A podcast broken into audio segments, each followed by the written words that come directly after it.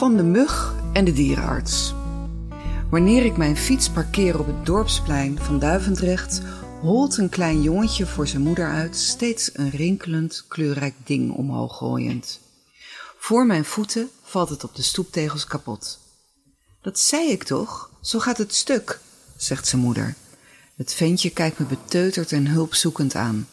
Geef maar, zeg ik. Misschien kan ik het maken. Het is een sleutelhanger met een verzameling knuffeltjes en prulletjes eraan en één sleuteltje. Het klipje is kapot, dus ik haak alle losse dingetjes aan een splitring die ik van mijn sleutelbos haal. Het jongetje straalt. Geeft die mevrouw een brassa, zegt zijn moeder, en prompt heb ik twee armen en een schonkig lijf om mijn benen. Eenmaal in de bibliotheek op het plein zie ik een rood fluwelen troon van twee verdiepingen met ruimte voor minstens zestien kinderen, maar er zit niemand. Er tegenover staat eenzelfde exemplaar op het zachtgroene bibliotheek linoleum, met daarop een oma, twee kleine meisjes en een flexwerker.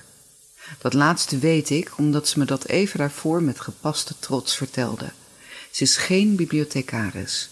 Ze zwerft van bibliotheek naar bibliotheek en leest vandaag voor in Duivendrecht. Het is woensdagmiddag en het boek Kunnen zebra's rolschaatsen van Quentin Guébran ligt klaar. Omdat het me een relevante vraag lijkt, schuif ik aan. Ik heb een troon voor mezelf. Het kleinste meisje luistert ademloos toe, terwijl ze af en toe vol overgave haar neus ophaalt.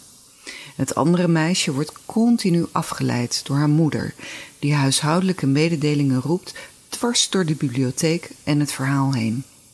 Ik had dit type vrouw, blonde paardenstaart, kekke sneakertjes, design zonnebril en in de vaste veronderstelling dat alles om haar draait, eerder in Oud-Zuid verwacht dan hier.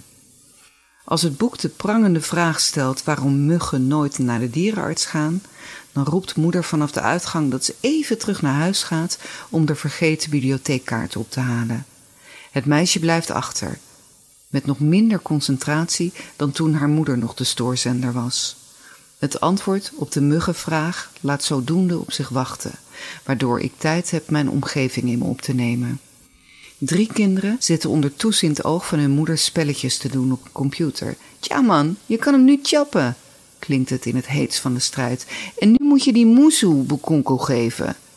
Gelukkig was de bibliothecaresse zo lief om me haar login voor de wifi-hotspot te geven, zodat ik de woorden die ik niet begrijp kan opzoeken. Er moet blijkbaar iets gehapt worden en een muis krijgt een pak op zijn donder. De moeder geeft de zoon een tikje op zijn wang. Jij netjes praten.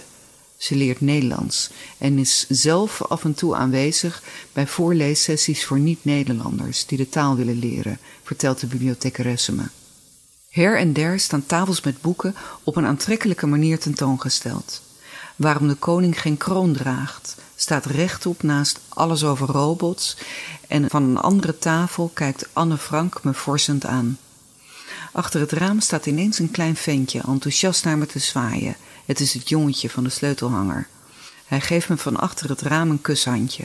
Ik blaas erin terug. Het achtergelaten meisje is inmiddels bedaard en het voorlezen gaat verder. En weet je waarom muggen nooit naar de dierenarts gaan?